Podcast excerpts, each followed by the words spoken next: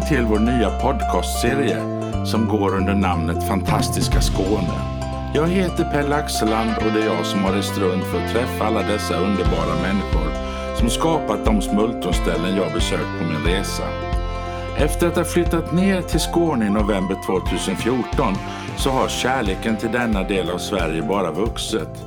Vi vill dela med oss av de ställen vi själva har hittat. Vi hoppas att det ska hjälpa er som planerar en resa hit eller ni som redan bor här nere hittar nya smultronställen att upptäcka på hemmaplan.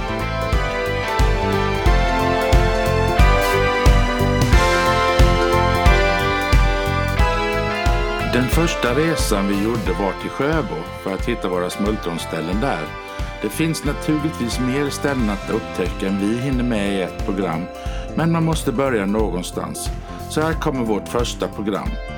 I beskrivningen av programmen hittar ni även adresser och kontaktmöjligheter till alla ställen vi besökte.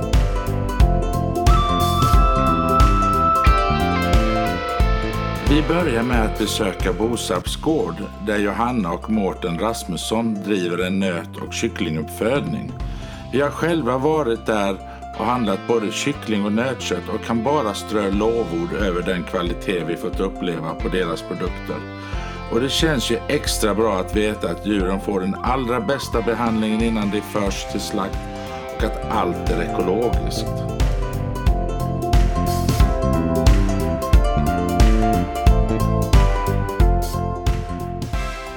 Tack för att jag fick komma hit. Tack för att du vill komma. Ja. Jag har ju varit här och, och köpt kött och varit med på öppet hus några gånger och tyckt det varit jättehäftigt. Och maten som jag lagar hemma med ert kött blir magiskt. Så därför föll det sig naturligt att jag bad att få komma hit och prata lite om, om er och er gård. Kan du berätta lite om gården till att börja med? Ja, eh, vi är alltså på Bosarps gård i Blentarp eh, som jag och min man Morten äger och driver sedan 2012. Eh, här har vi ungefär 10 000 platser för ekologiska kycklingar som vi föder upp. 60 000 om året blir det på den här gården. Eh, vi har 200 nötkreatur varav cirka 60 moderdjur. Kor då som föder varsin kalv om året. Eh, kalvarna föder vi upp till de är mellan två och tre år gamla och då går de till slakt i Sjöbo. Jag köpte ju eh, en kött, en ko som var fyra år här Hon var fyra och ett halvt år, ja. Ehm, Vi har ju, huvudsakligen är det ju ungdjur som är mellan två och tre år gamla som vi slaktar. Ehm, Men ibland blir det kor som inte ska vara kvar i avels, avelslivet längre. Det kanske är så att de inte har blivit dräktiga eller att de har någon annan egenhet som jag inte gillar och att de inte får lov att, att ehm, vara kvar längre av den anledningen. Och då blir det också att vi säljer kött från korna såklart. Är det ett finare kött än, än Det, för ungdjuren? det är ett mognare kött. Det, det är väl en smaksak. Det, alltså vi säljer ju sällan kor som är äldre än fem år för då tycker jag att skillnaden på köttet kanske blir för stor. Jag vill ändå att kunden ska känna igen sig varje gång den handlar. Och ett ungdjur mellan två och tre år eller en ko på fyra, fem år, det är inte, det är inte jättestor skillnad. Eh, Det blir kanske lite mer marmorerat, mer smak, lite grövre köttfibrer, kanske lite mörkare röd färg på köttet men i grunden är det ju ingen stor skillnad, skulle jag inte säga.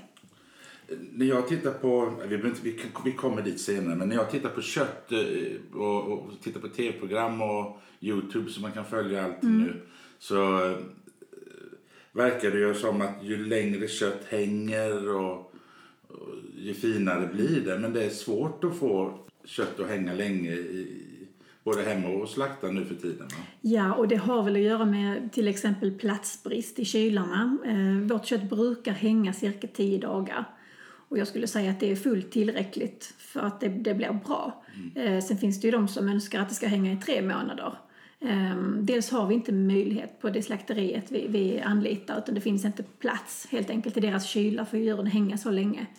Eh, och sen eh, det, det måste ju också bli mycket dyrare det köttet och jag tycker trots allt att vårt kött är dyrt nog. Ehm, jag tycker det funkar jättebra som det med tio, runt 10 dagar.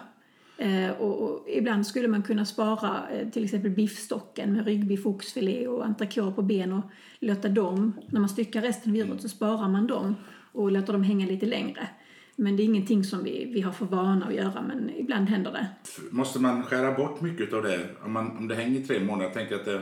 Dels tappar det ju, det, det avdunstrar ju mer Ja. eh, vatten, det blir ju mindre vikt i slutändan för mig att sälja där. Mm. Av den anledningen måste det bli dyrare.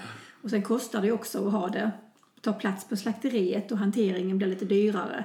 Ehm, och sen blir det ju en exklusivare köttbit. Ja. Så att, eh, jag vet faktiskt inte vad det skulle landa på i pris om man skulle göra så, men eh, dyrare måste det ju Ja, bli. det förstår jag. Jag, såg, jag, var, jag berättade för dig när vi var här och handlade sist Mm. att jag var ju på ett ställe i Stockholm där de hängde själva inne i butiken. Så de Just hade det, mm. tre, tre olika kylar de kunde hänga där. För, Ja. Och det, det, det såg ju ma- magiskt ut. Ju. Det är möjligt att man måste putsa bort lite mer Ja. på det yttersta. Ehm, men jag har för lite kunskap om det. Men eh, där är viss vikt som försvinner, absolut. Ja.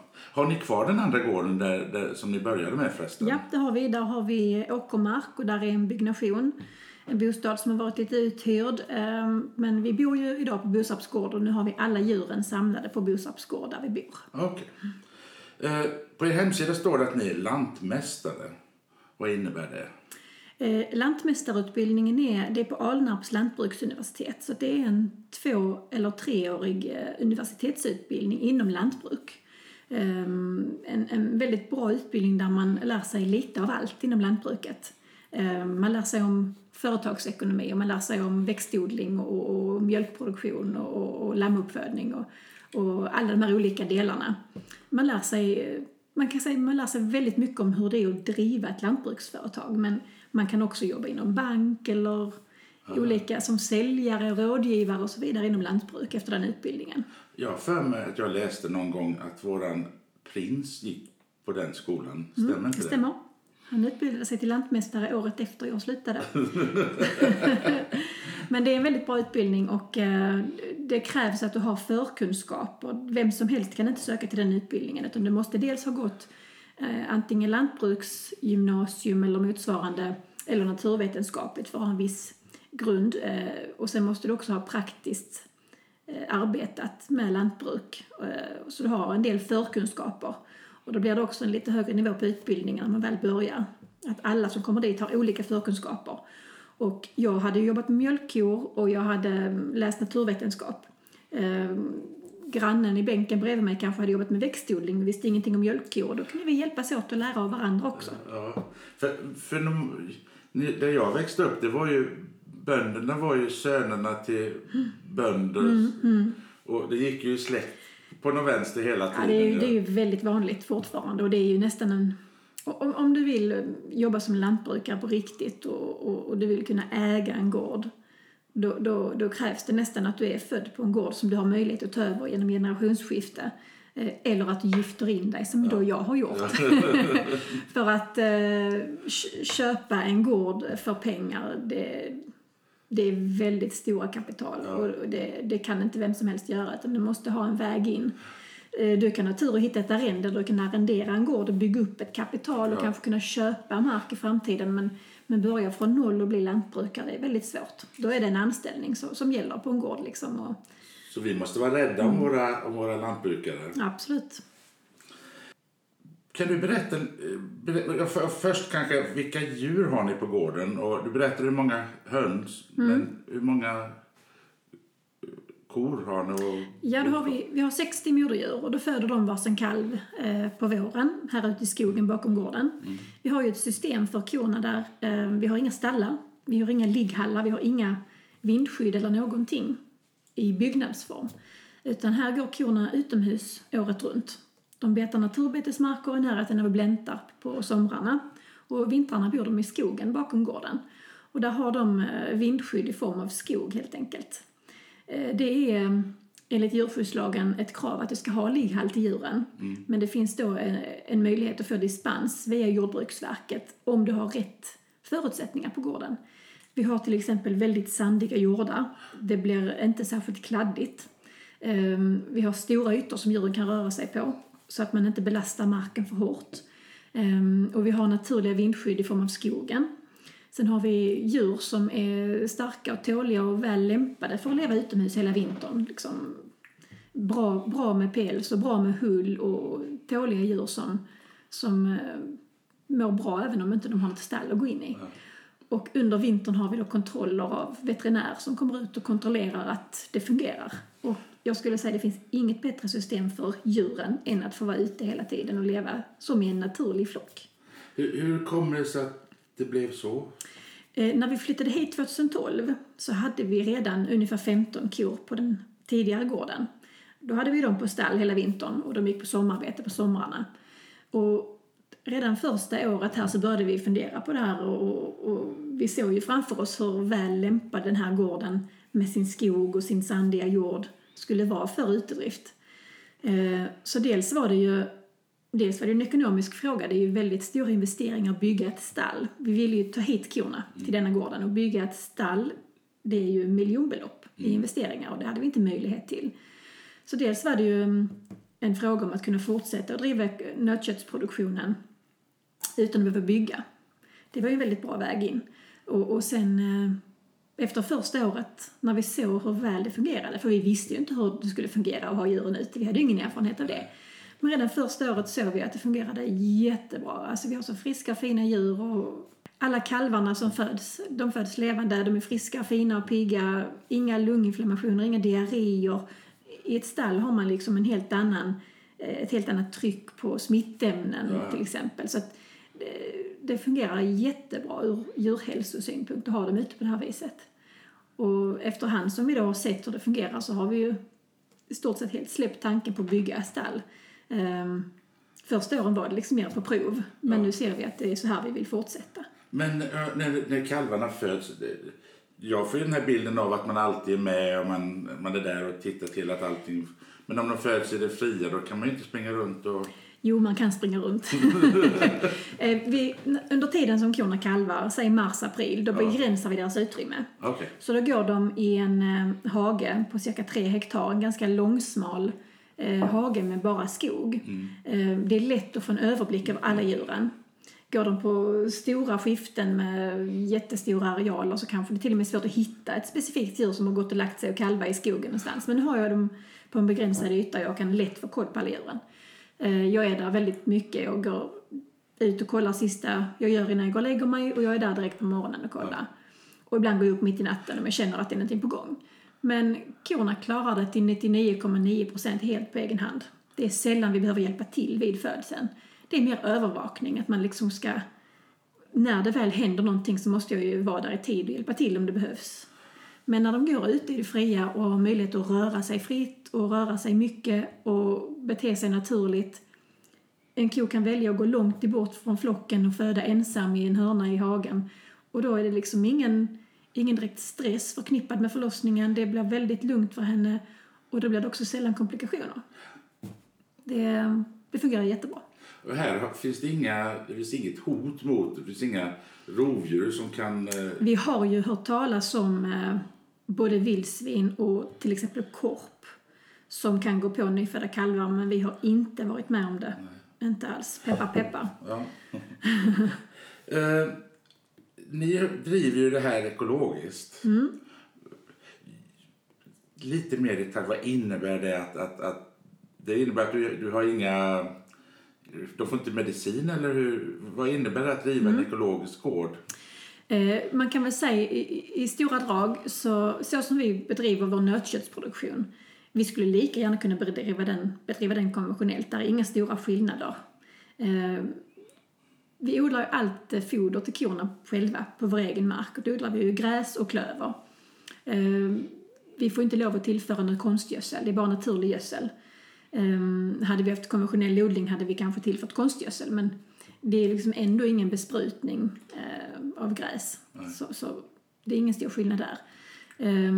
Vi behandlar ju alltid korna eller kalvarna om de blir sjuka. Så de får antibiotika. Det är inte så att vi undviker antibiotika. Det blir ett djur sjukt så är det behandling direkt.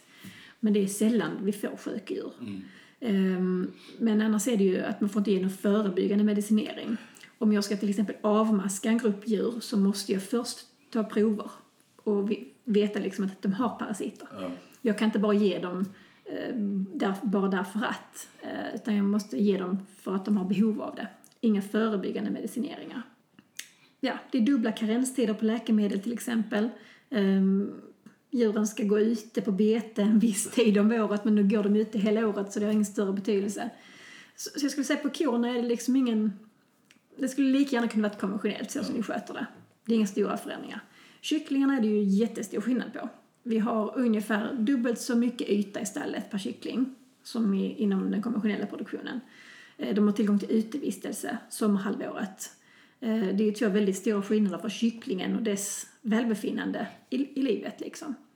Eh, De får ett ekologiskt odlat foder. Det odlar vi inte på gården utan det köper vi in färdigpelleterat från, från foderfabrik för att det ska vara exakt rätt sammansättning. Kyckling, Hur mycket är de ute när de får gå ut? Är, vi har ju varit här nere på Ja. sommaren men man ser ju inte kycklingarna Vi kan gå ut och titta sen när vi är klara. Eh, De är väldigt aktiva morgon och kväll. Ja. Mitt på dagen är de stort sett inne. Ja. Men eh, beroende på väder och vind, så från april ungefär till november, det är lite olika från år till år hur, hur eh, vädret är. Det är vädret som får styra. Men ungefär april till oktober, november går de in och ut fritt från vecka fyra och fram till slakt vid vecka nio. Och ehm, helst ska det vara mulet och vindstilla. Det gillar de allra mest. Som idag alltså. Precis, det är perfekt. Skarpt solljus och, och blåst, det, det är det som är det sämsta. Men är det vindstilla och mulet och det regnar, det gör ingenting. Jag går gärna ut när det regnar. Snö går också bra, bara det inte, Det är blåser, bara det inte blåser samtidigt. Men de är väldigt aktiva morgon och kväll och mitt på dagen är de nästan inne allihopa. Då får man gå in och skrämma upp dem lite så de går ut. På vintern, är det, är det uppvärmda... Är det uppvärmt för kycklingarna där ute eller hur? Vi har uppvärmt de första veckorna när de är små. Efterhand som de växer och får full fjäderdräkt så har de inget, inget stort behov av tillskottsvärme. Då, då värmer de själva upp stallet väldigt mycket egentligen när de är aktiva och rör sig och sådär. Även mitt i vintern? Ja, så då är det egentligen ganska lite tillskottsvärme som behövs. Men i första veckorna så är det ju väldigt stort värmebehov. De växer ju så fort och får fjäderdräkt eh, de första veckorna. Och det är från 35 grader varmt till 20 grader inom de första tre veckorna som vi då successivt sänker temperaturen. Ni köper redan befruktade ägg, eller hur fungerar det? Precis. Eh, Bossapkyckling, jag ska säga det också att vi är ju en utav åtta gårdar som föder upp kyckling till var, varumärket Kronfågel Bossapkyckling. Eh, Bossapkyckling startade på den här gården med förra ägarna 1999 och därefter har det sen tillkommit fler och fler gårdar genom åren.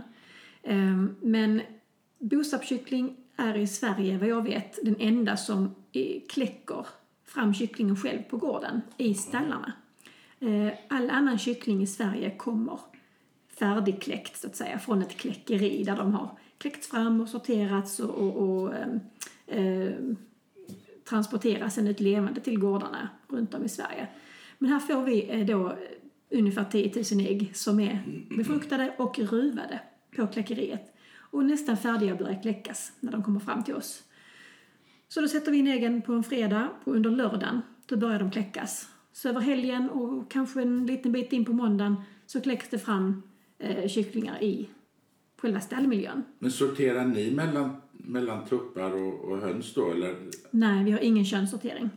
De går blandade och det är inga problem eftersom de slaktas redan vid nio veckors ålder så hinner de inte bli könsmogna. Nej. Skulle de bli könsmogna så hade det blivit bråk mellan tuppar. Men märker du, märker du skillnad på storlek mellan... Absolut. Tupparna är mycket större än hönorna och det beror mycket på den här rasen som vi använder oss av som heter Rowan Ranger. Det är en lite mer långsamväxande ras jämfört med den vanliga broilern men det är ändå en, en köttras. Den sätter ändå samma... Eh, alltså den, den sätter mycket kött och den sätter mycket bröstmuskler också. Men den växer långsammare och är ändå lite mindre i kroppen än de vanliga broilerkycklingarna.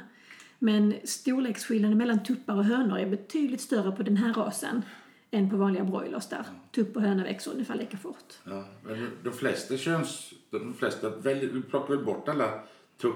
Inte, inte inom slaktkycklingproduktion. Inte? Nej, absolut inte. Det är till exempel om du har ett stall där du ska ta fram ehm, du kanske ska ta fram ägg som sen ska kläckas till värphöns. Det är då man sorterar bort tupparna ju.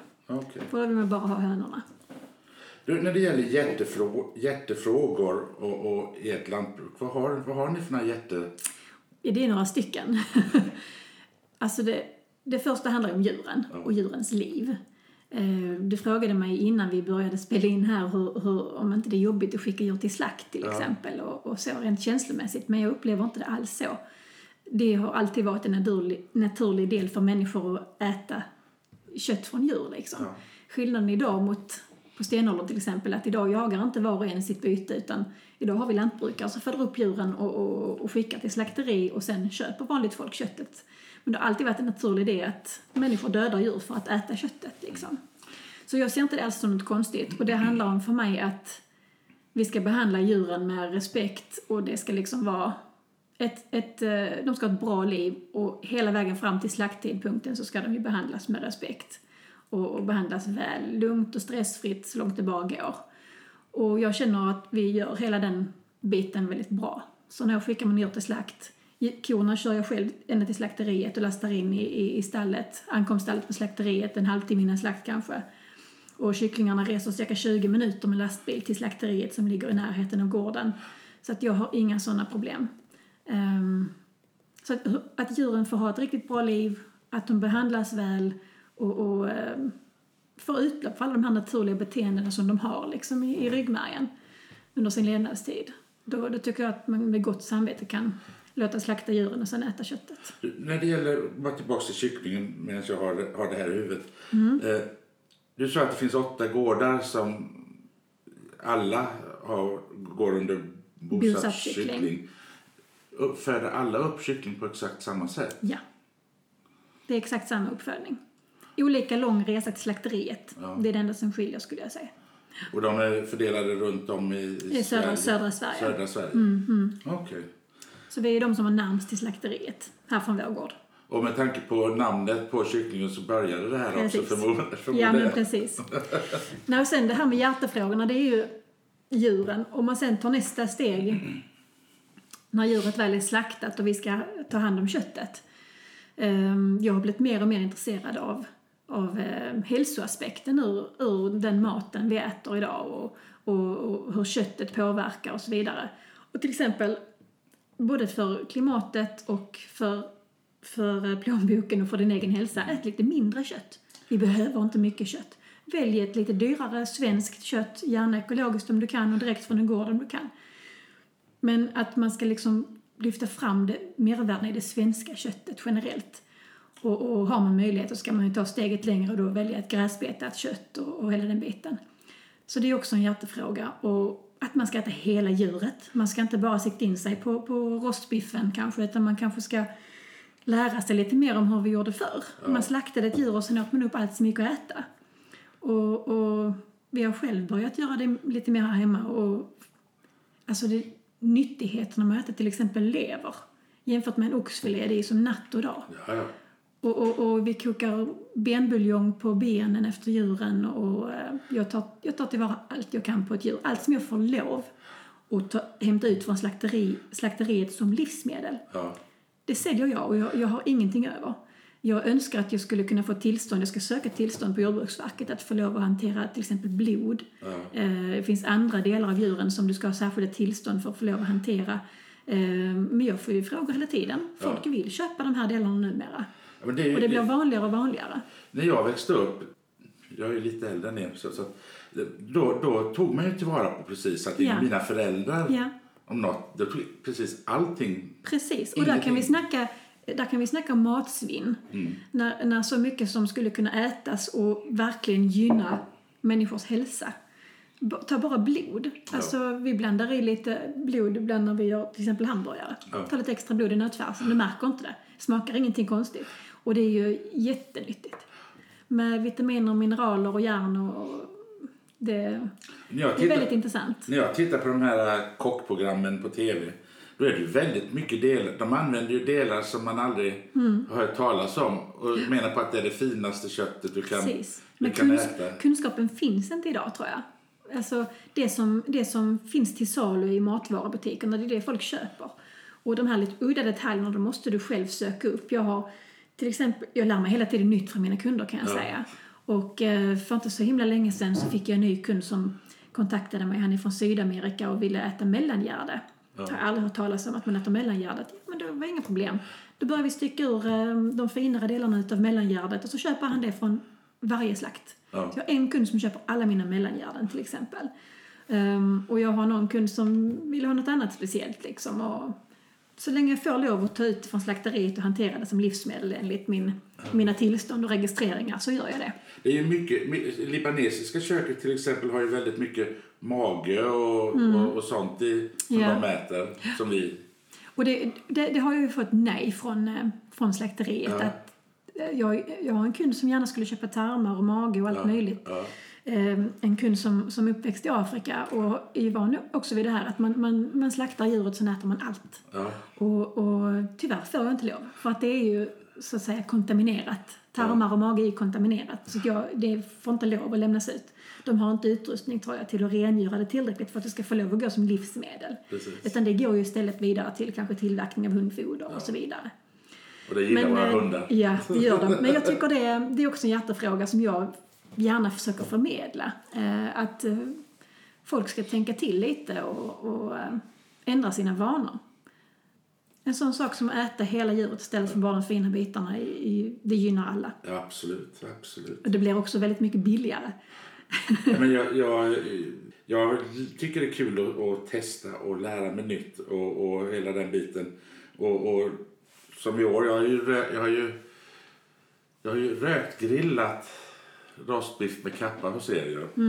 Och det blir ju så mjukt så det bara smälter. Det du behöver knappt tugga köttet. Man måste lära sig att tillaga de här lite udda bitarna och inälvsmat. Du ska bara lära dig att tillaga det rätt. Lever ska ligga i mjölk har jag lärt mig. För att Ja, det är möjligt. Ja. Nej, men det, det, är, det är en förändring som skulle behöva. Vi var ju hos er på öppet hus i påskas. Hur många sådana har ni om året? Eh, det här, den här eventet vi hade i påsk som vi kallade Vårvandring bland kor och nyfödda kalvar. Det var första gången vi hade det. Och det var väldigt stort intresse och vi, eh, vi, när vi startade och marknadsförde det evenemanget så hade vi ingen vi hade liksom inte förväntat oss så stort intresse. Och eh, när vi närmade oss eventet så var vi nästan lite nervösa för tänk om det kommer så många att vi inte kan ta emot alla. Ja. Det såg ju nästan ut så på Facebook. Och eh, jag tror kommande evenemang ska vi nog ha lite mer struktur kring att man kanske ska föranmäla sig så vi liksom inte står här helt handfallna och har för många bilar. Men eh, det var första gången och det var väldigt lyckat. Det kommer vi säkert göra igen. Eh, kanske inte varje år. Eh, det får vara i mån om tid liksom. För att Våra det, barn pratar fortfarande om. Är De, det med de var ju lite Ja. sena så de fick ju Ja. följa med din, din make ner Okej, okej. lite Ja. efter alla andra och, Ja. och titta på korna. Men, men det är kul, vi har liksom alla möjligheter att visa upp vår verksamhet. För vi har, vi har djur som är lugna och vana vid människor. Man kan komma ganska nära in på dem och det är trevligt. Ja. För det är inte så himla lätt. De flesta ser kor som går och betar längs med vägarna när de är ute och kör i det skånska landskapet. Men att komma ut på en gård och få prata med bonden och få komma ända fram till djuren och se och, och, och ha möjligheten att ställa frågor. Och det blir väldigt bra diskussioner när man står där bredvid djuren och pratar med folk. Ja. Ehm, så det är någonting vi verkligen eh, gillar och gärna gör. Och visar liksom djuren för våra kunder. Eh, och sen, ehm, vi har ett evenemang som vi har årligen på höstkanten, första helgen i september varje år. Vi har varit med fyra eller fem år nu på Ekorundan. Ja. Eh, ekorundan.se.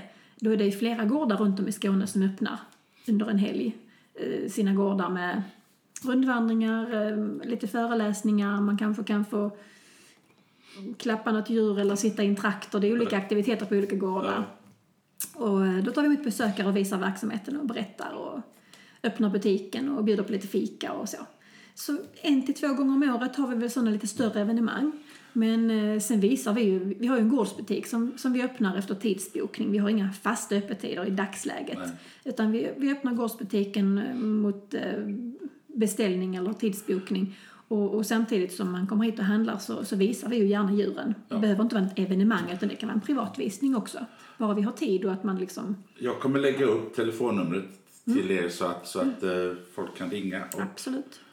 kolla när, när vi, eller, se om butiken kan öppnas när de är där. Mm. Ja men precis. Eh, framtidsplaner och visioner. Eh, alltså vi har ju haft, sen vi köpte gården 2012, väldigt många eh, förändringar av verksamheten och projekt. Till exempel då att bara det att bygga staket för, för eh, alla korna under vintertid och vi har byggt ett nytt kycklingstall. Just nu håller vi på och bygger en ny panncentral som vi har fått möjlighet att bygga tack vare ett bidrag från Naturvårdsverket där vi bygger en eh, biobränslepanna för att förse gården med värme. Vi har eh, anlagt en ny gödselplatta. Vi har alltså gjort många investeringar och projekt och i stort sett det mesta jobbet gör vi själva. Så mycket vi bara kan gör vi själva, så det har ju krävt mycket tid. Nu ser vi fram emot eh, några år framöver där vi liksom inte har några stora projekt utan bara kan låta verksamheten rulla.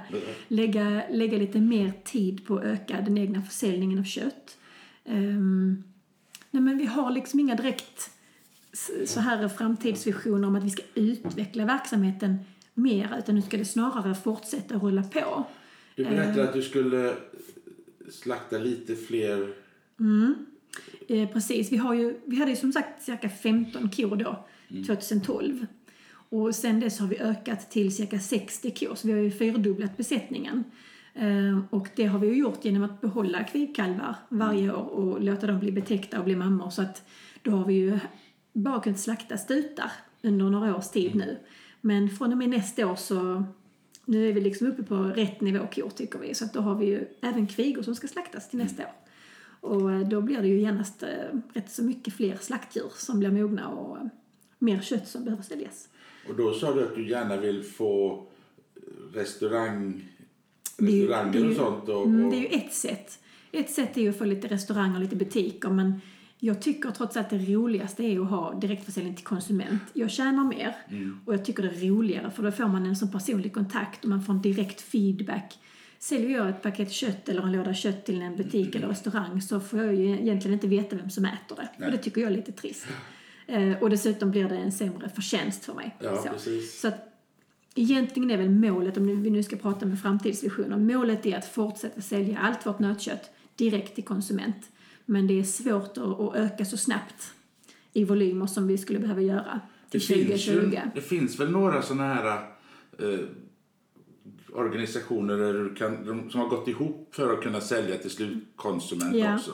det finns, men jag är inte intresserad av det heller. Det är ungefär samma sak. Då får inte jag träffa slutkonsumenten Nej. kanske.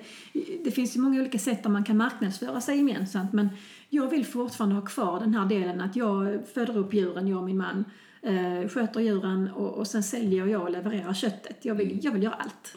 Så länge jag orkar och hinner så vill jag göra allt. Ja. Och, eh, eh jag är inte riktigt redo att släppa det. Jag tycker det är lite grann en av vår styrka också.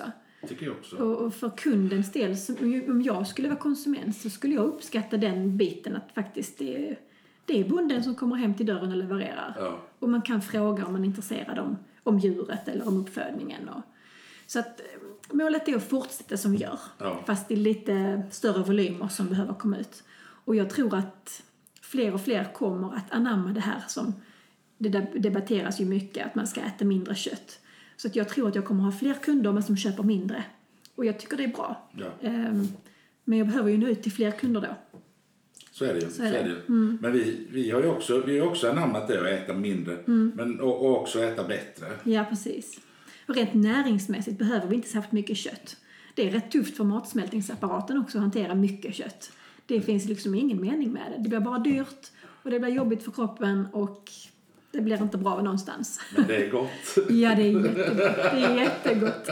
Nej, men det är, det är en positiv förändring som är på gång. Eh, hoppas och tror jag. Eh, men vi får se. Jag tror jag hörde någon undersökning för inte så länge sedan att det faktiskt har kunnat visas nu att den totala köttkonsumtionen i Sverige går ner. Eh, men andelen svenskt kött ökar. Ja. Så att jag hoppas att fler och fler tänker efter liksom, innan de köper den där importerade köttbiten från Brasilien till exempel. Men jag tror att det blev, jag tror att det naturligt blev så tack vare lite torkan förra året. Mm, mm. Att, att alla tyckte så här, det är mm. klart vi ska hjälpa den svenska bonden. Ja, precis. Och, och på något sätt, vi mm. visste att det skulle slaktas mer förra året mm. på grund av att man inte kunde precis. ta hand om, om, om sina djur. Och det, var, det var först då, tror jag, som vi riktigt började tänka på det. Vi äter, vi vi äter lite mindre, vi köper lite mm. finare. Mm. Maten blir mycket godare. Och, ja. jag menar... Och man kan köpa lite ytterlår och bringa istället för ja. ryggbiff. Ja. Du får dubbelt så mycket kött för pengarna, minst. Och du ska bara lära dig att tillaga det på rätt sätt så är det minst lika gott alltså. Ja, men det, det gäller att lära sig. Jag, mm. Jag som gillar att röka, röka min, mina köttbitar och Ja, sånt här. ja. Det verkar ju som om man ska göra, röka en bringa då måste det vara såna gigantiska stora Mm. Många rök- timmar. och många timmar Ja, och det, det är inte lätt att... Nej, det är det inte. Men du vet, en, en bringa fyra timmar i ugnen.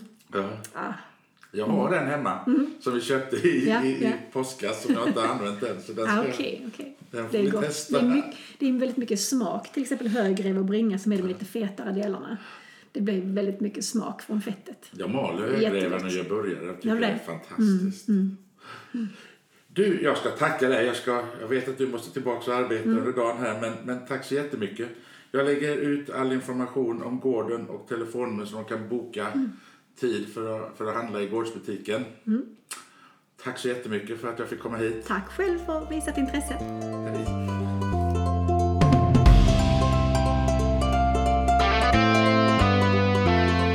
På vägen mellan Snogeholms slott och Sövdeborgs slott ligger kanske Sveriges minsta mejeri. Där driver Sara Ferlin Tenelius tillsammans med sin man Gustav ett yoghurtmejeri vid namn Elsekälls mejeri. Under vår, sommar och höst kan man stanna utanför huset och köpa sin yoghurt ur deras kylskåp vid vägen. Deras produkter finns även i flera butiker runt Sverige. Ser ni dem, testa dem. Deras yoghurt är verkligen god.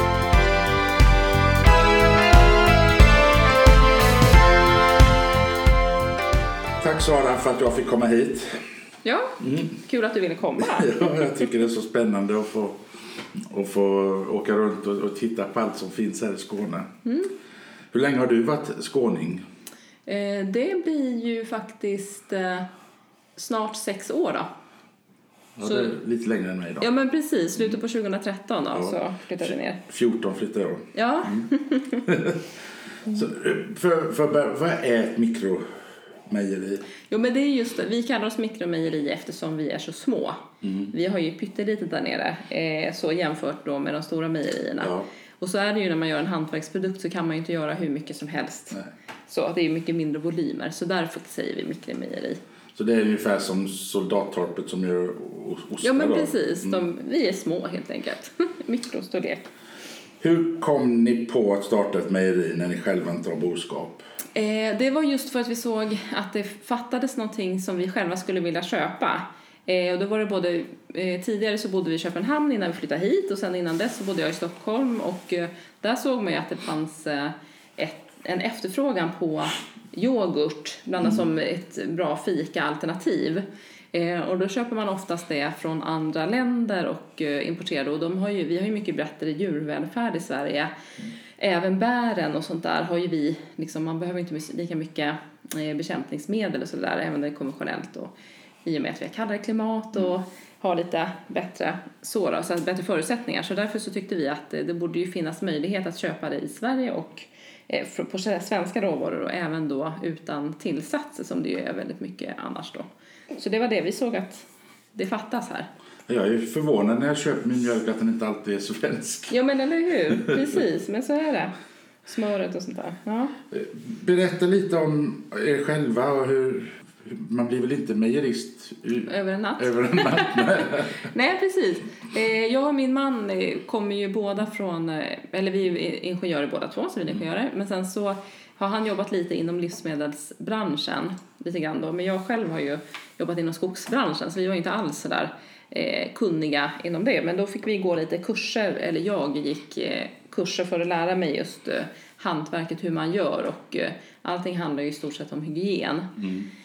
Eh, så att eh, vi började helt enkelt då när vi visste att vi skulle, att vi ville satsa på att testa starta ett mejeri för vi tänkte att vi måste ge oss själva chansen också. Det är många som har drömmar men som aldrig testar. Men vi tänkte att vi måste ge oss chansen här då. Så då köpte vi det här stället och byggde om, det var en butik innan i bortre delen av huset här. Eh, och då så byggde vi om den då till mejeri. Då fick man ju fråga alla som man kunde eh, komma på som kanske hade någon anknytning till branschen och även då de som man fick reda på när man läste eh, på universitetet då, vilka som hade kunskap då och fråga hur man skulle göra, vilka maskiner man ska ha och allt sånt där. Så att det var mycket sånt jobb från början då. Somnade. Ja, nu somnade ju Majken. Hon verkade trött när hon var i mina Ja, men precis, precis. Det var därför man var lite gnällig och trött helt enkelt. Nej, men så att eh, det var, tog lite tid att jag tror vi byggde upp det här. Då jobbade jag också på ett vanligt jobb. och min man också.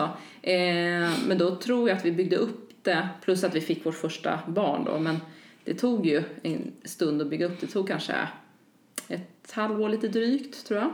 Mm. Och sen så var det färdigt då till sommaren 2000, vad blir det då? 2014 borde det ju vara då. Ja, och då så, nej 2015 blir det till och med. Och då var det, tog det en halv, nej men, eller några månader att prova ut rätt bakteriekultur.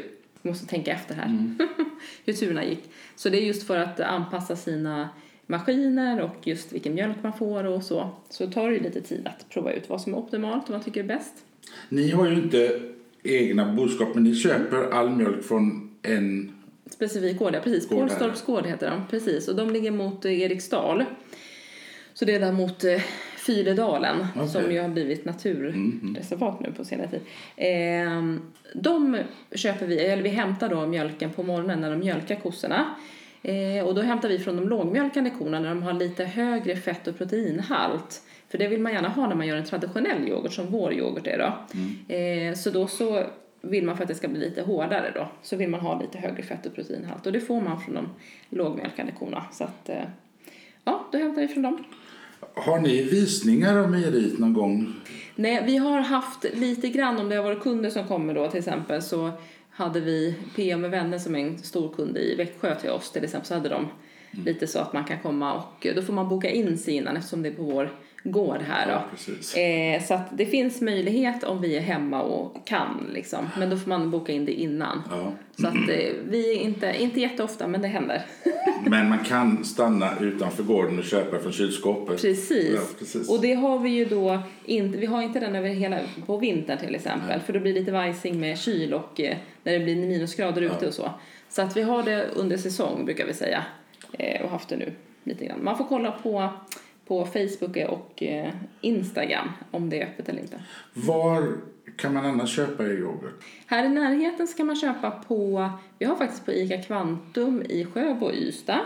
Men annars är det ju mycket typ café och lite specialbutiker som Sankt Jakobs Stenhusbageri till exempel i Malmö.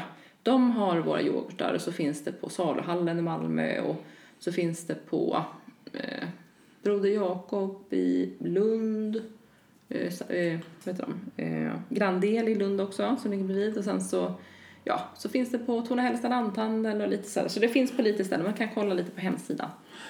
Gör ni någonting annat än gör den här yoghurten med frukt och sen har ni na- naturell yoghurt? Mm. Gör ni några andra produkter? Nej, inte för tillfället så. Vi har ju eh, det så vi har specialiserat oss på yoghurt. Eh, vi har testat att göra lite ostkakat till och julmarknad och sånt där bara för skojs skull. Ja. Men det är ingenting som vi säljer så överlag liksom. Men just nu, nu har vi en liten sex veckors här också. Så att Så är just nu finns då håller vi oss lite, nej precis, vi håller oss lite mer flytande och fokuserar på vår yoghurt. Ni är ju med i något som heter Rekoringen, Mm. förstår jag. Vad är det för någonting? Jo, det är så här att eh, det är, vad ska man säga, ett, eh, ett, en möjlighet för konsumenten att köpa direkt från producenten. Annars så går man ju alltid via grossist eller ja, vi skickar ut till olika ställen. Men eh, då så bestämmer man via Facebook, det finns också andra ställen, men om vi säger till exempel Facebook, så går man in om man är medlem i Reko Sjöbo till exempel, så är det alltid utlämning på tisdagar en viss tid då, eh, säg klockan sex på kvällen. Och då så lägger jag in så här, nu kommer jag komma dit och jag kommer ha de här varorna. Eh, och så säger du som konsument, ja men då vill jag köpa sex yoghurtar, eh, hallonyoghurtar till exempel. Och så finns det då flera producenter där, så då är det ju en speciell mötestid. Och då har man gjort uppköpen innan. Eh, så därför så behöver man inte ha eh, försäljnings... Jag tror det kallas torgförsäljningstillstånd eller någonting sånt Ja, där. Utan då är det just vid den här specifika tiden och man har redan gjort upp eh, vad man ska köpa och vad det ska kosta liksom innan. Så då, då har man liksom bestämt att det är en möjlighet då att, eh, ja, att man, man har bestämt tid och allting sånt och då har man en möjlighet att möta Är det alltid på samma plats, till exempel i Sjöbo? Eh, ja, det brukar vara på samma plats. Jag tror de har varannan helg, nu har inte, eller varannan vecka typ där. Och sen så finns det finns ju nästan överallt nu. Det finns ju i Ystad, de har på onsdag, varannan onsdag har de. Eh, eller fall det är varje onsdag, jag tror varannan i alla fall. Eh, och så finns det i Malmö har varje torsdag. Då är det mellan klockan det brukar ofta vara mellan klockan halv sex och sex brukar det vara liksom i alla fall standardtiden. Och sen så har Lund på fredagen och Höllviken, Södra Sandby, du vet det finns på jättemånga ställen. Men är ni med på alla sådana? Nej. Nej, nej det är vi inte. Vi var med lite eh, tidigare i, ja men fram till i somras då, fram till Majken kom, så var vi med i Lund och Malmö eh, och Ystad och ibland i Sjöbo. Så det beror på lite. Man kan ju inte vara borta varje kväll heller, Nej, det är lite med barnen. Det förstår jag. ja. Eh, ja, ja fr- framåt eh, och visionen för framtiden. Vad, vad, Mm. Är det fortsätta samhälle? Ska, ni, ska det bli Ayran? Eller? Ja, det finns ju massor med spännande saker som man alltid tänker just sånt- såna där. Ja. Eh, men det är, eh, vi får se lite framöver. Just nu är det ju, då går man ju ner lite i ett annat läge när Ja. man har fått en ny född här. Så min man hjälper till mycket. Nu är han mejrist, annars Ja. är det jag som är mejrist. Nu får han hjälpa till att vara det. Så att eh, just nu håller vi oss flytande, Ja. lite så, och håller koll på de kunderna vi har och lite sånt. Men sen så vet man ju aldrig framöver. Vi ska inte säga vi har lite olika planer men vi får se lite vad som händer. För det är alltid så, man ska för- försöka att få ut det också.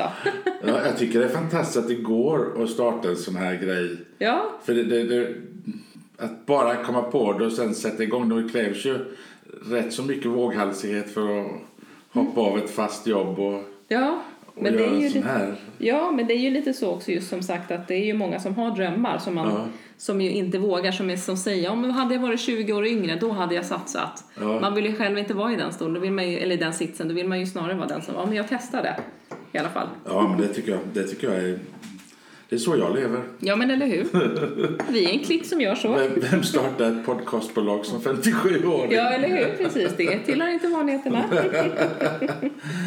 Jag får tacka så mycket för att jag fick komma hit och, och, och fråga ut dig lite och, och lära mig om, om yoghurt där. Ja, Tack så mycket. ja, så får du testa yoghurten där. Absolut, det ska jag göra.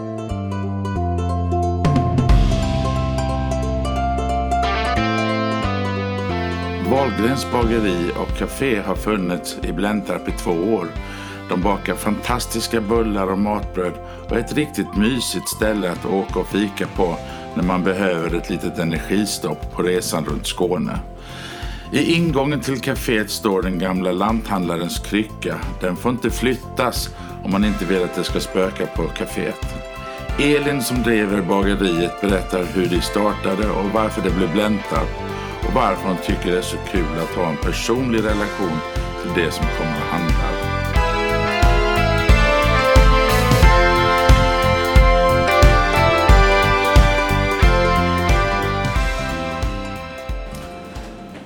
Tack Elin för att jag fick komma hit till Wahlgrens bageri i Blentarp. Kan du berätta lite om bageriets historia? Ehm, Det var ett bageri här innan. Ja, det var det. Det var det. Det har varit eh, två andra ägare innan mig. Eh, och eh, från början så är det ju en gammal lanthandel. Ja. Men med någon känd gubbe här från Blentarp som hette Ebbe Engdahl. Och jag personligen vet ju inte alls vem det är. Men alla kunderna, eh, många kunder kommer in och bara ja detta var Ebbes affär, ja okej. Men eh, så att ja, han var väl lite, förstått att han var lite så halvkändis här liksom. Mm. Ja. Hur, hur kommer det sig att det blev ett bageri för dig här då? Eh, men jag ehm, var runt och kikade på lite olika ställen och så. Var, var lite inne i, i lite städer och så först och tänkte att eh, jag skulle ha någonting i, kanske i Ystad, var och kolla lite i Simrishamn, lite så här bättre kundtillströmning och, eh, och sådär. Men ehm, ja, kände aldrig riktigt så att jag hittade rätt ställe. Men Sen av en slump så såg jag en annons eh, om, om detta då, eh, att det var till salu. Och ehm, och det var verkligen så när man, som när man har, om man har köpt hus och så, så kommer man in och så bara känner man, ja men här är det. Ja. Här är det liksom. Så att, eh, ja, det kändes rätt. Men jag har ju inte alls någon personlig koppling till Blentarp. Eh, Så det var ju första gången jag var i Blentarp när jag var här på visning. Ja. Så ja, så, så var det. Så det blev, ja. Det är väl kanske inte den mest självklara. Nej, det är ju, nej. Det, det är det inte. Men det känns som ett bra, eh, jag, jag är glad att det blev här. Det blev bra. Mm. Vi var- flyttade ner till Skåne 14 Mm. och var bland annat och kollade på hus här i Blentarp. Mhm. Mm. Då testade vi värdshuset. Du Mm. Mm. Mm. Så, så att eh, Men, men ni hamnade inte i Blentarp? vi Det blev- hamnade i Rydsgård. Ni hamnade i Rydsgård, ja. ja. Inte så långt härifrån. Nej, det är det inte. Nej. Men eh, har du tidigare har du jobbat i, med bageribranschen eller kafébranschen tidigare eller är det här första Eh, försöket in i, i egenföretagarvärlden? Det är första försöket i egenföretagarvärlden, det är det. Men jag har jobbat i, eh, i bagerivärlden lite grann innan. Ehm, Jag, har jobb, jag jobbade på ett bageri, gick lite som lärling kan man säga, eh, i, på ett bageri i Ystad. Ehm, Men har ju alltid varit intresserad av matlagning och bakning framför allt. eh, ända sedan liten liksom. Ehm, Så du älskar så här jättetidiga morgnar? Nej, fy. Nej, jag, jag gör inte det jag vet inte om någon gör det alltså. Men, men jag är varken morgonmänniska eller kvällsmänniska så det kvittar känns det som. men eh, nej, det är väl, eh, det är väl baksidan då framförallt eh, de där morgnarna. Det, Min äldsta dotter eh, gick på skola uppe i Stockholm för att bli bagare. mm, Men hon, det, det som fick henne att inte välja det var att mjölsäckar väger 40 kilo att bära och mm, ni bär tyngre saker i bagerin än, än snickarna gör i byggbranschen. ja, alltså det är slitet. Det, det är tungt, det är det. Ehm, ibland är det så att man inte klarar att, eller vi får ta, hjälpas åt att ta i varsitt handtag med degkitteln liksom för att flytta den men eh, det är ju bra att röra på sig på jobbet. Eh, har du en speciell tanke med det ni bakar? Och ska det vara ekologiskt? Testar du nya gryn och sådana där saker? Eller hur är tanken? Eh, ja, men min tanke är ju framförallt att ehm, eh, det är att jag ska göra så mycket jag bara kan ifrån grunden, helt ifrån grunden. Ehm, och ehm, det ska gärna synas också. Jag strävar inte efter att eh, alla kakor ska se exakt likadana ut eller att alla bullar ska vara exakt lika stora. Om man strävar efter det, eller om jag skulle strävat efter det så ser jag inte någon anledning för kunderna att komma just till mig utan då kan de gå till vilket annat ställe som helst. Och personligen så tycker jag att det ser mer tilltalande ut. Eh, att man ser att men detta är någon som har gjort det med sina händer. Det är ingen maskin, det är inga pulver och eh, sådär. Alltså man, man sätter sin egen prägel på det. Eh, och det, det är så jag vill ha det. Och, men visst, det kan ju vara lite så här, ja men varför är bullarna så små idag? Eller oj vad de var stora idag. Ja, så blir det. så blir det och det är lite så jag vill ha det också. Är det jäsningen som man inte Ja, har men- på? Då, eller?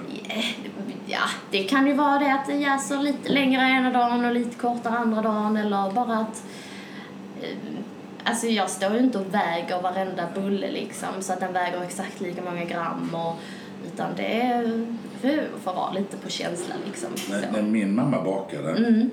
då såg alla bullar olika ut. Så, att, så att vi brukade fråga om vi fick en av varje sort. Ja, ja men precis. Och det är ju... Det, det, de frå- frågorna får man ju ibland liksom. Är det någon skillnad på det där? Nej, det, det är samma. men, men eh, ja. Nej men så det är ju framförallt det liksom som jag, ehm, som, är, som jag känner är min eh, inriktning så. Att det ska vara gjort här, av oss. Och ehm, eh, jag har ju tänkt att det är så är det väl med alla bagerier men det är ju inte så Nej, tydligen. nej. Har jag ju förstått nu och när man har pratat med eh, alltså våra grossistsäljare och sånt från, de, från våra grossister och sådär att det är inte helt vanligt att det faktiskt bakas från grunden Nej. eh, på plats. Eh, för att det, det är väldigt tidskrävande. Det är inte ready bake från... Precis, jättemycket bake-off. Ja. Eh, Jag hade faktiskt min, en säljare här i, i eh, veckan som sa att 90% av alla bagerierna kör bake-off. Ja. Eh, och Kör färdigköpta wienerbröd och sådär. Och, och det tror man ju inte. Nej. Nej, det, tror, alltså det trodde inte jag. Det, så att, ja. Men, det, men det är väl det som gör att de här, här riktiga bagerierna står ut. ja, men jag tänker det också att det... mm, Ja, Folk åker ju ganska långt Ja. ifrån för att upptäcka eh, Precis. vissa ställen. ja. Hur länge har du haft det här bageriet nu? Det är någonting du glömde fråga i Ja, början. vi, jag har haft det i två år nu. Mm. Så oktober 2017 tog jag över det. Så ja, så det var tvåårsjubileum för några vecka sedan. Jag eh, var här och, och provhandlade för några veckor sedan. Mm, mm. Och älskade kardemummabullarna jättemycket. Ja, bra. och rågbrödet. Ja. Men jag funderar på, är, är det dina specialare eller är det någonting som du är sån här extra stolt över i, i Eh, det du bakar? Ja. Alltså rågbrödet är ju, det är ju verkligen vår storsäljare. Det är väldigt eh, uppskattat och vi säljer väldigt mycket av det. Ehm, så det skulle jag säga, det är ju absolut. Eh, och sen, ja vad mer? Ja men, ja, men det är kanske kardemummabullen då. Jag själv, det är ju min personliga favorit själv. ja, jag tyckte den var helt. Ja, men det är så, när jag går ut och fikar så är det eh, svart bryggkaffe och kardemummabulle. Det är det som gäller. Ja. Jag, jag, när jag flyttade ner hit så blev jag med i en sån här äh, viktväktarklubb för äh, Ystad. Mm. Och det första jag lärde mig det var att få reda på var fritidsbaren låg så man kunde få testa deras viner. Ja, men det är vik, viktklubb, ja precis. det är sån inside information. Så, så, så nu, nu går en ny mejlutmätning man ska komma till bageriet i, i Blentarp också. Precis, ja. Ja, nej, men det får du prova wienerbröden också. De kavlar vi också själva för hand. Så Ja, det är bra. mm. Eh, hur ser framtiden ut för bageriet? Ja, det, det, ser väl, det ser väl bra ut tycker jag. Det, det rullar på, det går bra, det går bättre än vad vi hade kunnat hoppas på. Ehm, och eh, ja, men nu är det ju liksom snart jul. Det är ju en hög säsong för oss. Så det är ju mycket att förbereda och, och så inför det. Sen, sen är det, ja, vi funderar ju liksom hela tiden på om vi skulle kunna utveckla och göra bättre och, och mm. Vi har lite marknader och sånt som vi har, nu först detta året som vi har börjat vara med lite på. Eh, Det är skoj. Ja, det är det. Det är jättekul.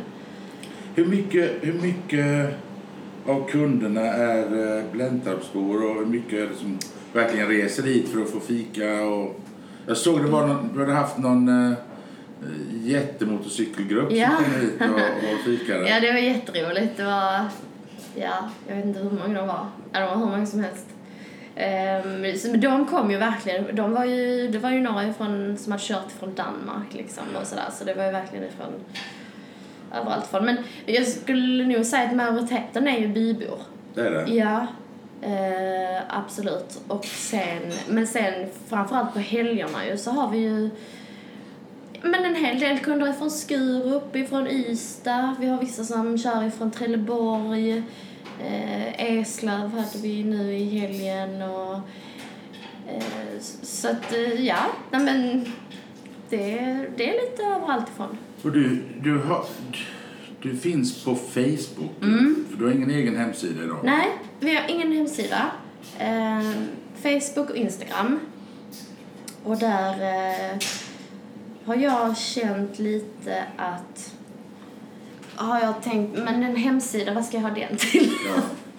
För att om jag själv går och kollar något eh, företag och jag vill kolla öppettider eller eh, veta om, ja, om man ska åka någonstans Ja. och käka eller så, så då kanske jag inte går in på en hemsida och kollar för det känns lite förlegat nästan, tycker jag. Eh, det, är liksom, det är väldigt många som glömmer att uppdatera sina hemsidor och eh, ja, sociala medier är så himla lätt idag. Det är bara ta en bild och så tjoffar man upp den liksom. Så, här. så, att, eh, så vi har kört stenhårt på sociala medier bara. Eh, Och även liksom har det varit vår huvud... Alltså där vi har marknadsfört oss.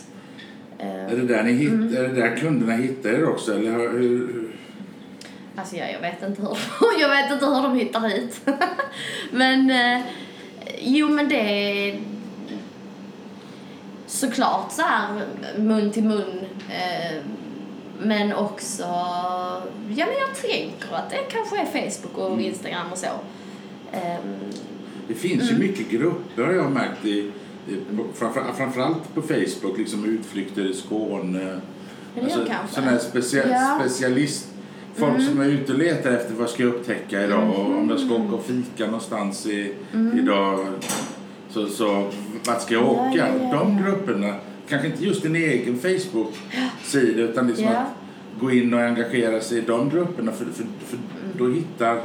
Det kan ju vara bra, det är ju ett bra tips faktiskt. Det har jag inte tänkt på. Jag har ju li, ehm, lite så här Veberödsgruppen, eh, eh, Dalbygruppen, alltså så. Där har jag kanske lagt något litet inlägg någon gång. eh. Men, eh, men det är ju, ja, nej, men det får man kanske kolla upp att eh, sådana som just aktivt letar efter eh, Ja, precis. ställe att åka till. Mm. Eh, samarbetar du med andra ställen och restauranger i området? Liksom jag såg att du hade Musten från Mm. Sövde och... Ehm, vi har ju Musti från Sövde och sen så har vi ju ehm, vårt kaffe från Fogarolli som ju är Ystad-baserat. Ehm, Ja, så är det. Det visste inte ja, jag. jo, eh, det är ju det är ju ett, det är ju ett italienskt kaffe. Eh, men Kristina Fogarolli och eh, Sebastian Rydberg som, som äger Fogarolli som har det, de bor ju i Ystad. Jaha, Så att, jag, eh, ser dem, jag ser dem med sina bil- småbilar. Precis, ja. Och de finns ju överallt. De är ju liksom i Tyskland och Danmark och överallt nu så. Men, men, eh, men de är ju från Ystad och de har ju sitt liksom, hjärtat där så. Eh, och sen så har vi ju ehm, eh, vi jobbar med eh, Byakrogen här i byn Ja eh, som nyss har bytt ägare och ö, nyöppnat. Eh, vi eh, gör, eh, gör lite hamburgare till dem, till deras eh, eh högrevsburgare. Så briochebröden är härifrån. Och sen har vi eh, så levererar vi lite tryfflar och lite eh, rågbröd och så till handkrogen i Abbekås. Eh, och vi levererar lite grejer till vingården i Sjöbo. Eh, som ju är en... Har du varit där? Nej. Ah, där Ja. måste du åka Ja. dit. Vingården i Sjöbo, det är, Var ligger den det är någonstans? verkligen en pärla alltså. Den ligger på Norregatan, tror jag det heter. Ehm, in på en liten liksom gränd. Ja. eh, eh, ja, jätte... Han var ju pizza-SM, eller kom tvåa. Eller, Jaha. ja. Super, super Jag har, inte, jag, har inte, jag har inte börjat tävla med mina pizzor än. Du bakar oss pizzor? Utekök nybyggt i år. Oh, ja, ja. Härligt. Ja, nej, men det är verkligen jätte, jättebra där. Det är superbra. Ehm, och det är de andra också, så att jag ska inte lyfta någon Det så. finns men, eh, jättemycket. Ja, men verkligen. Det är det som är så kul också, för att eh, det känns lite så här när man eh, ja, men samarbetar lite med andra så då blir lite kollegor Ja, nästan. Så Ja. det känns Men det tycker är jag är härligt. jätteskoj. Ja, ja men det är det. Ehm, är det någon mer som vi jobbar med? Ja men så har vi ju skafferiet Vebröd också. Um, som är en delikatessbutik Ja. kan man väl säga. Eh, och de får ju nybakta frallor på lördagar ifrån oss. Det har inte jag varit. Det, det måste jag till. Ja, får du göra. Mm. Och de har även lite knäckebröd och lite kakpåsar och sånt härifrån också. Så de det är en jättemysig bu- butik. Jag tycker det roligaste som finns tycker jag det är att, att inte ha en aning om vad man ska. Och bara sätta sig i bilen och sen stanna på alla de här små Ja. Hittar man ett bageri, stanna och köp. Eller Ja. en liten restaurang, ta en liten fika och sen dra vidare. Och Vi hittar fortfarande småvägar i närheten som vi inte har varit på. ja, Och det, och det ja. Jag trodde vi hade hittat varenda väg mellan Rydsgård och, och Bläntarp och, ja. och ja. Och Ja, så här. precis. Men eh, när, jag när vi var här och köpte fika på vägen hem i, efter svampletandet Mm. Så hittade vi en ny väg och nästan ett slott på vägen som vi inte haft en aning om. Nej. Skitkul. Ja, ja det, det är verkligen... eh, Det finns mycket att, att, eh, att upptäcka här. Du, öppettider. Mm. Eh, Ni är öppna fyra dagar i veckan. Fyra dagar i veckan, torsdagar till söndagar har vi öppet. Eh, och Mellan? vi, mellan eh, torsdag fredag så är det 7.30 till 17. Och lördag söndag är det 7.30 till 15. Eh, och de tiderna håller vi egentligen hela året kan man Ja. säga. Ja. Så att eh, det är öppet året runt. Kul. Mm. Jätteroligt. Ja. Jag lägger ut adress och, Mm. och foton och lite så här Mm. på vår hemsida också när vi lägger, när vi Mm. lägger ut den här. Jag vill tacka dig för att jag fick komma hit och prata en liten stund med dig. Tack själv, det var roligt. Ja.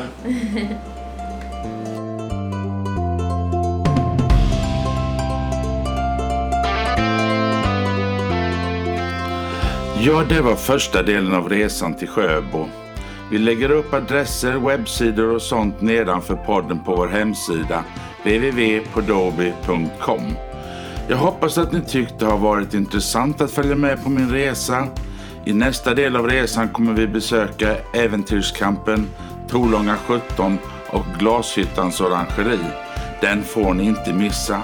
Alla ställen vi besökt är verkligen värda ett besök.